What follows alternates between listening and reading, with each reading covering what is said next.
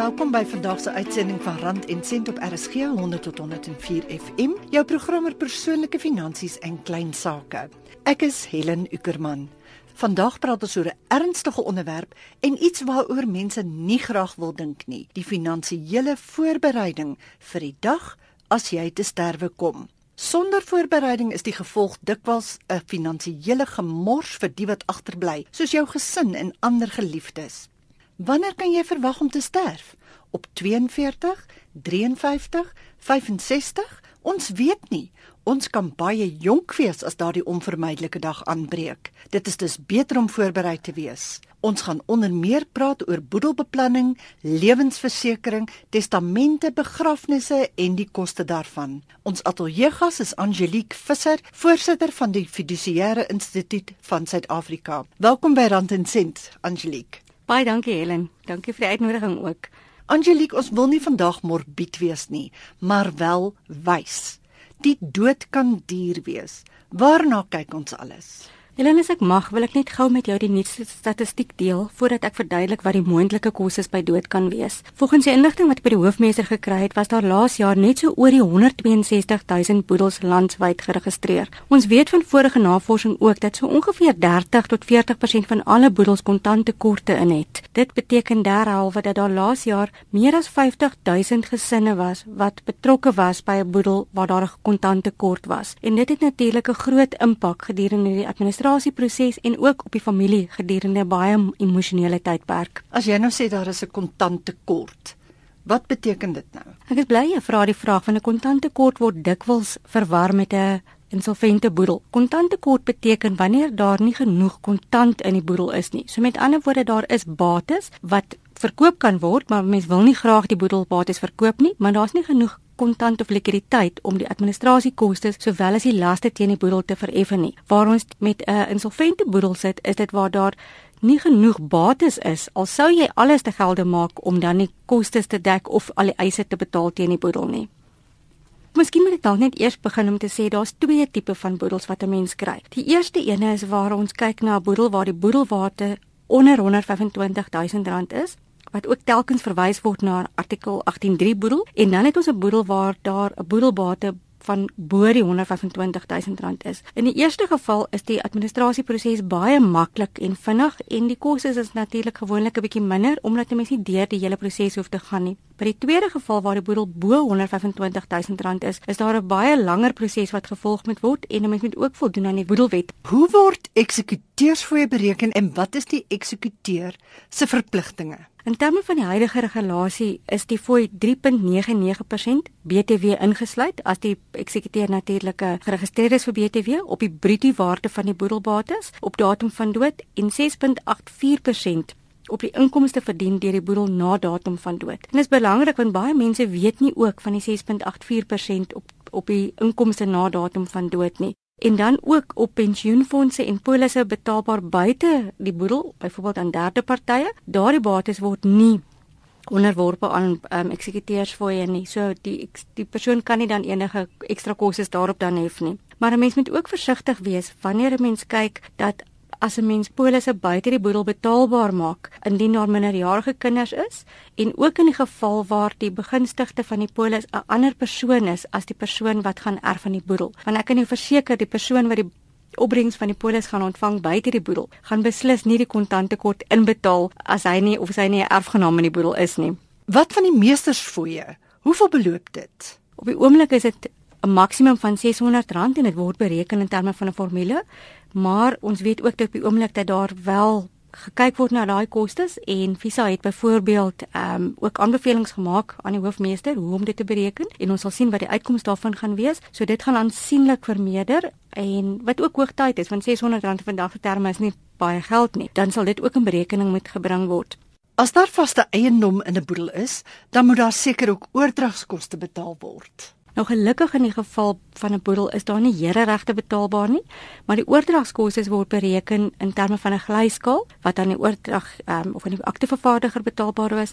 En as 'n mens kyk, 'n boedel van so ongeveer 'n miljoen rand gaan vir jou so 16000 rand kos. Wat ook 'n aardige bedragie is as daar nie kon, ekstra kontant in die boedel is nie.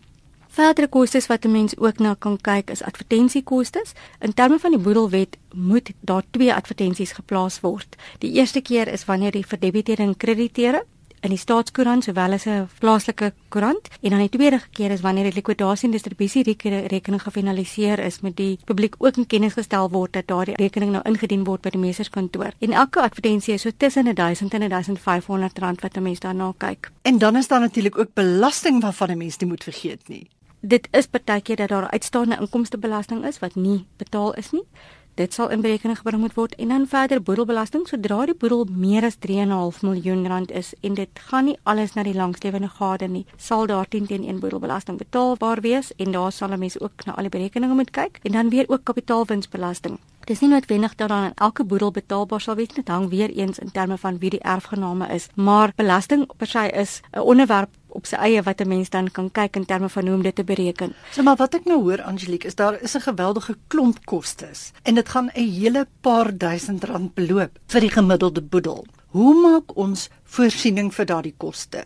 Neem ons lewensversekering uit, vra ons 'n finansiële adviseur om raad, wat doen ons?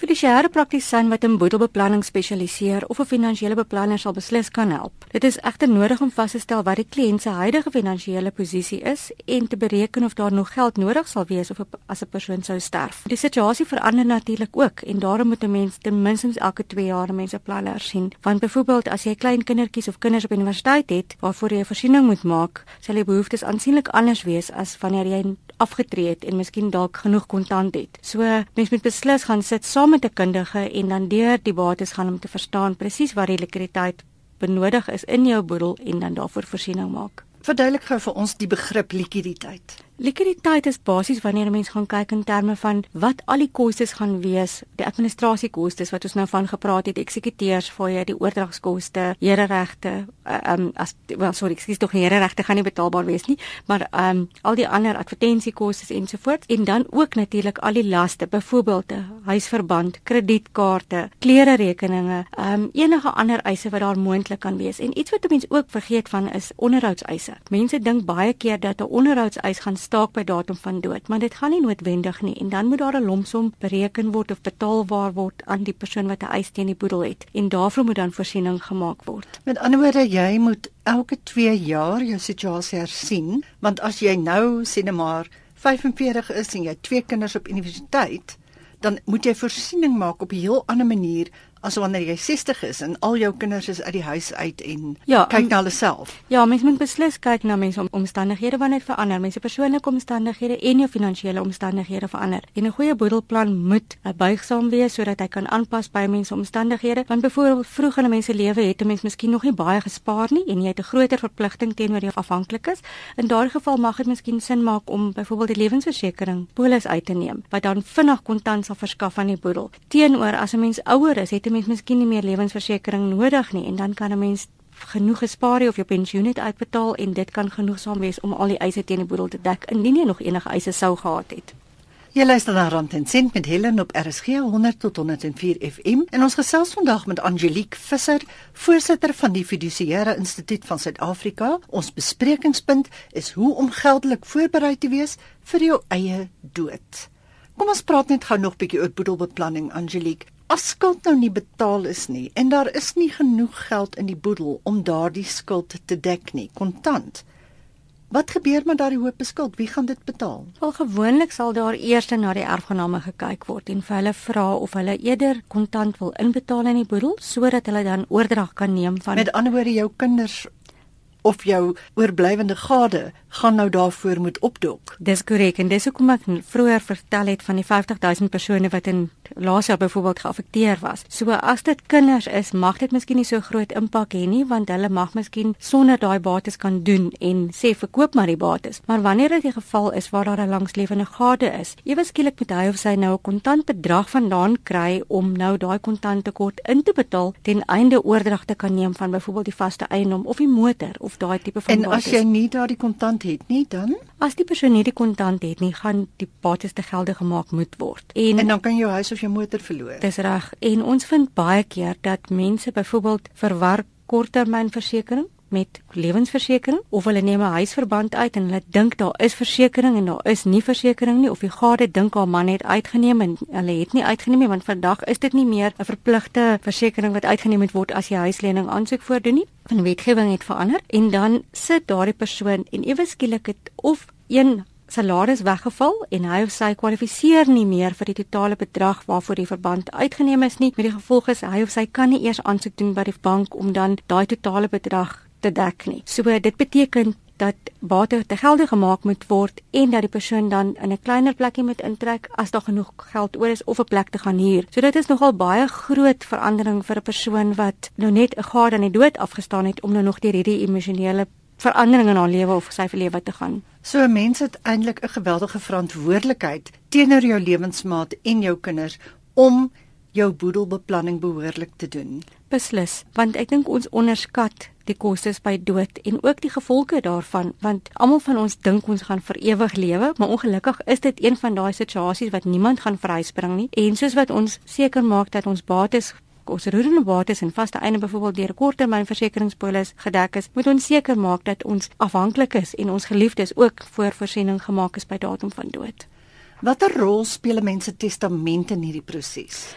Dit is 'n baie belangrike rol wat die testament speel want dit help nie ons het net genoeg kontant in die boedel, maar ons het nie of 'n geldige testament of 'n testament wat nie op datum is nie of glad nie 'n testament nie. Elke situasie kan ewe erg wees. Hier kyk ons byvoorbeeld gevalle waar 'n persoon 'n testament opgestel het en nie voorsiening gemaak het vir kinders wat later gebore is nie. Dit is sodat as kinders afhanklik is, kan daai kind byvoorbeeld 'n onderhoudseis indien teen die boedel, maar dit is vat baie tyd om dit te bereken en dan is daar soms ook twis in terme van wat die bedrag mag wees. So dit maak dit baie moeiliker. Of ook 'n goeie geval is waar mense skei en veral in Suid-Afrika waar die egskenningssyfer so hoog is, vergeet mense om hulle testamente op datum te bring. En 'n mens wil eintlik vir elke prokureur wat met 'n egskeiding werk, sê maak seker dat die persoon 'n testament opstel wanneer hy deur 'n egskeidingsproses gaan. Want die wet maak gelukkig voorsiening dat daar 'n periode van 3 maande is wat die geskeie gade nie sal erf as die persoon te sterwe kom binne daai 3 maande nie. Maar na daai 3 maande sê die wet, jy het genoeg tyd gehad om jou testament te hersien, so ons aanvaar jy wil hê jou vorige gade moet erf. En baie keer tree daardie persoon weer in huwelik later en dan word kinders gebore, dan sit 'n mens met 'n verskeie gade wat dan die begunstigde is in terme van die testament, wat regtig groot komplikasies met die administrasieproses meebring.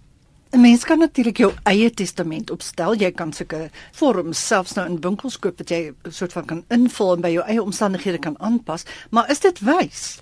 Weet jy dit is moontlik, maar ek waarsku daarteen want daar's baie wetsvereistes wat aan voldoen moet word en ons ook byvoorbeeld ehm um, baie lokval of pit pitfalls as die Engelse sê as 'n mens dit sou doen want byvoorbeeld een woord kan 'n verandering beteken. So dit is baie belangrik dat 'n mens weet wat die intensie van die testateur of testatrice is. Um ons het byvoorbeeld gesien waar iemand bemaak die inhoud van die huis aan 'n spesifieke kind.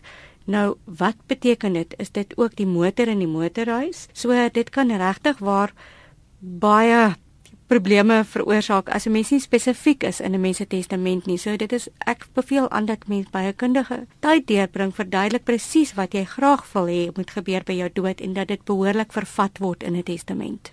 Angelique, wat is die stappe dan wat gevolg moet word vir suksesvolle boedelbeplanning? Wel die eerste stap wanneer 'n mens met 'n kliënt sal sit is om presies al die inligting te vorder want daar's baie baie inligting wat 'n mens eers moet vorder sodat 'n mens seker maak dat jy die korrekte beplanning kan doen vir die kliënt. En daardie sal 'n mens kyk na die kliënt se bates en laste. Mense sal byvoorbeeld kyk na die besonderhede van moontlike onderhoudseise soos wat ons vroeër genoem het. Ook die struktuur van die bates, want dit bring ook natuurlik verskillende belastingimplikasies mee. Want byvoorbeeld 'n persoon kan 'n aandelehouding in 'n maatskappy hê, persoon kan ook ehm, 'n um, lid wees van 'n beslote koöperasie. Daar kan byvoorbeeld 'n trust wees en daar kan 'n leningsrekening wees tussen die trust en die persoon se boedel. So dis baie belangrik om te verstaan presies wat die struktuur is en daarom dan te beplan, want deel van die proses is ook om te seker te maak dat die struktuur belastingvriendelik is en ook voorsiening maak dat dit maklik uitvoerbaar wees by datum van dood. En dan moet mense ook dan vasstel watter metodes 'n mens gaan gebruik, hoe 'n mens daardie beplanning gaan doen. En as jy na metodes verwys, kan 'n mens kyk byvoorbeeld na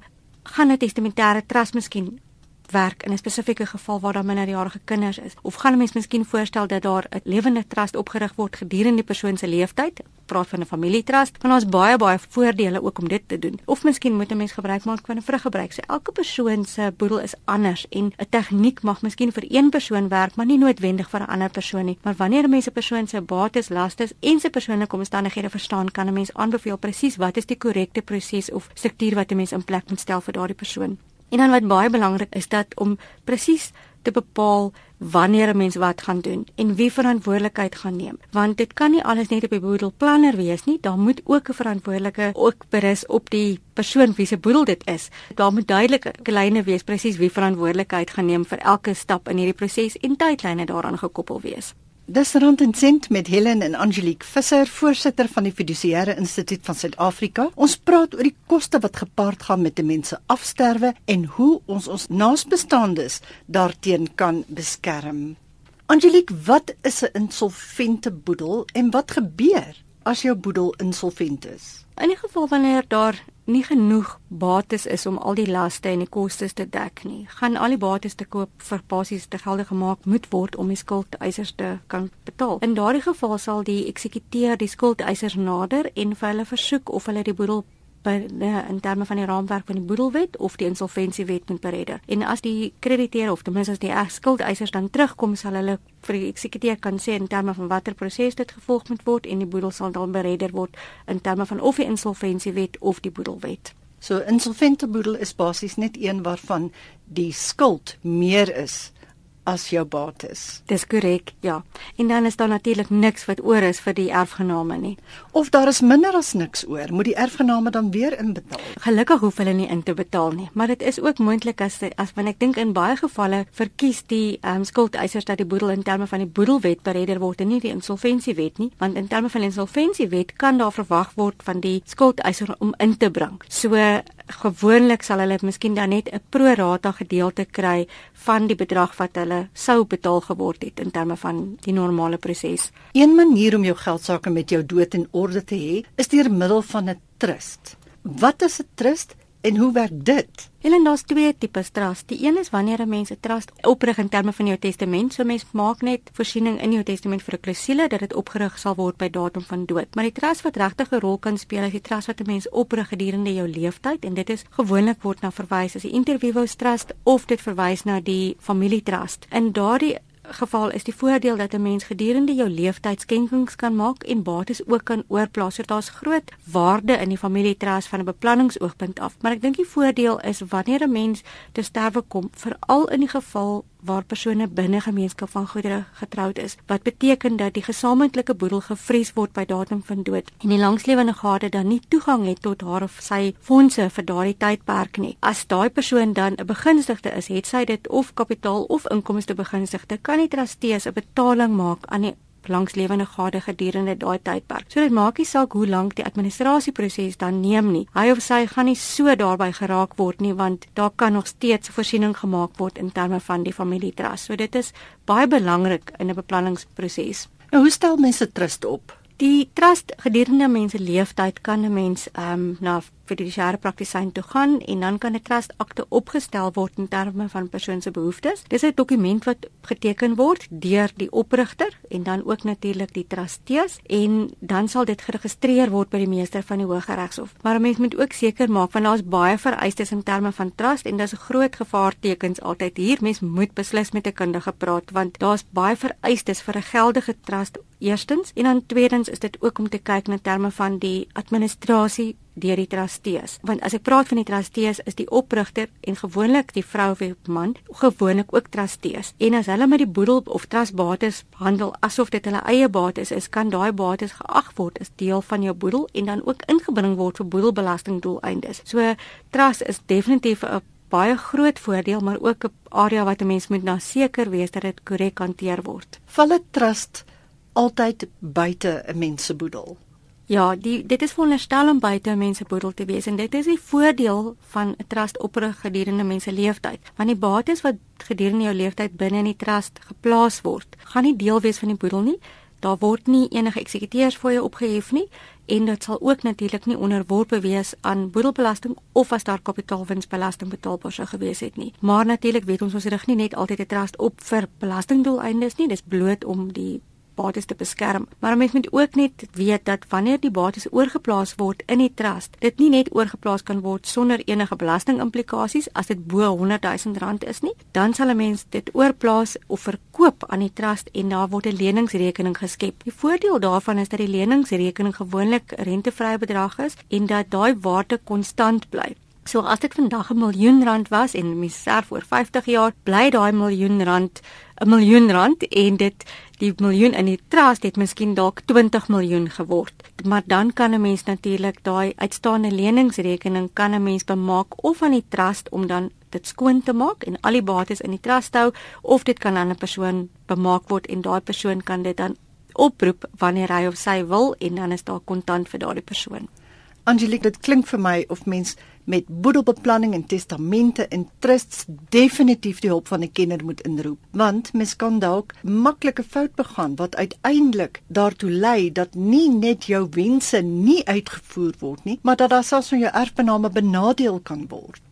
Ek sê 100% saam. Dit is regtig ware veld wat so gekompliseerd is dat 'n mens het die hulp van 'n kundige nodig. Hoe meer 'n mens weet, hoe beter kan 'n mens beplan. So wanneer 'n mens al die inligting het of 'n boedelbeplanner weet presies wat jou persoonlike omstandighede is, weet wat jou finansiële sake betref en ook wat jy graag wil bereik, kan hulle jou help en advies gee om seker te maak dat dit wel die geval sal wees by datum van dood. Is dit nodig om vir iemand volmag te gee, soos 'n prokureur of jou oudste kind om namens jou besluite te neem as jy dalk eendag nie meer self daardie besluite kan neem nie, soos byvoorbeeld mediese besluite of iemand wat toegang tot jou bankrekenings het as jy self nie meer kan nie of self nie meer daar is nie. Dit is moontlik om 'n volmag vir iemand te gee, maar 'n volmag is net van krag vir so lank as wat jy dit kan terugtrek. So wat ons vind is dat sodra persone ouer word en ook ons vind dat hulle baie keer Alzheimer kry en die sekond wat dit gebeur en hulle nie meer weet soos 'n non-compos mentis is, dan beteken daai volmag absoluut niks nie. So daar is 'n tekortkoming in die Suid-Afrikaanse reg in terme van persone wat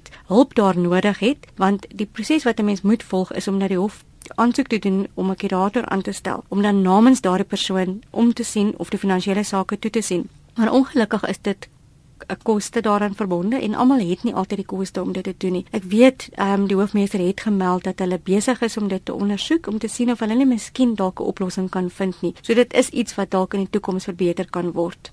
Angelique, laaste vraagie. 'n Begrafnis kan baie duur wees. Jy weet jou naasbestaanes is hartseer en emosioneel en dan wil hulle vir jou nou die mooiste begrafnis gee want hulle wil wys hoe lief was hulle vir jou. Hoe kan 'n mens nou verhoed dat te veel geld daarop bestee word? Kan 'n mens self beplan hoe dit moet verloop en daarvoor ook voorsiening maak terwyl jy nog leef? En ek dink jy's reg, die familie wil graag altyd net die beste gee. Mens kan in jou testament bepaal hoe dit moet gebeur by datum van dood of jy baie luukse begrafnis wil hê of nie, maar die probleem is as jy dit in die testament meld, dan word soms die testament gelees na die begrafnis, dan is dit 'n bietjie laat. So ek stel voor dat 'n mens daai gesprek met iemand wat naby aan jou is hê sodat daardie persoon weet wat jou wense is by datum van dood. Sodat daar nie nog tydens daai berouproses of daai moeilike tyd in jou lewe nog besluite moet geneem word of dat jy later skuldig voel familie wat agterbly skuldig voel dat hulle 'n goedkoper begrafnis gehad het as wat hulle sou gehad het nie weet beplan het nie. Jy sal dan saam met daardie familielid 'n dokument opstel wat sê dit is graag hoe ek dit wil hê en dit moenie meer as dit kos nie en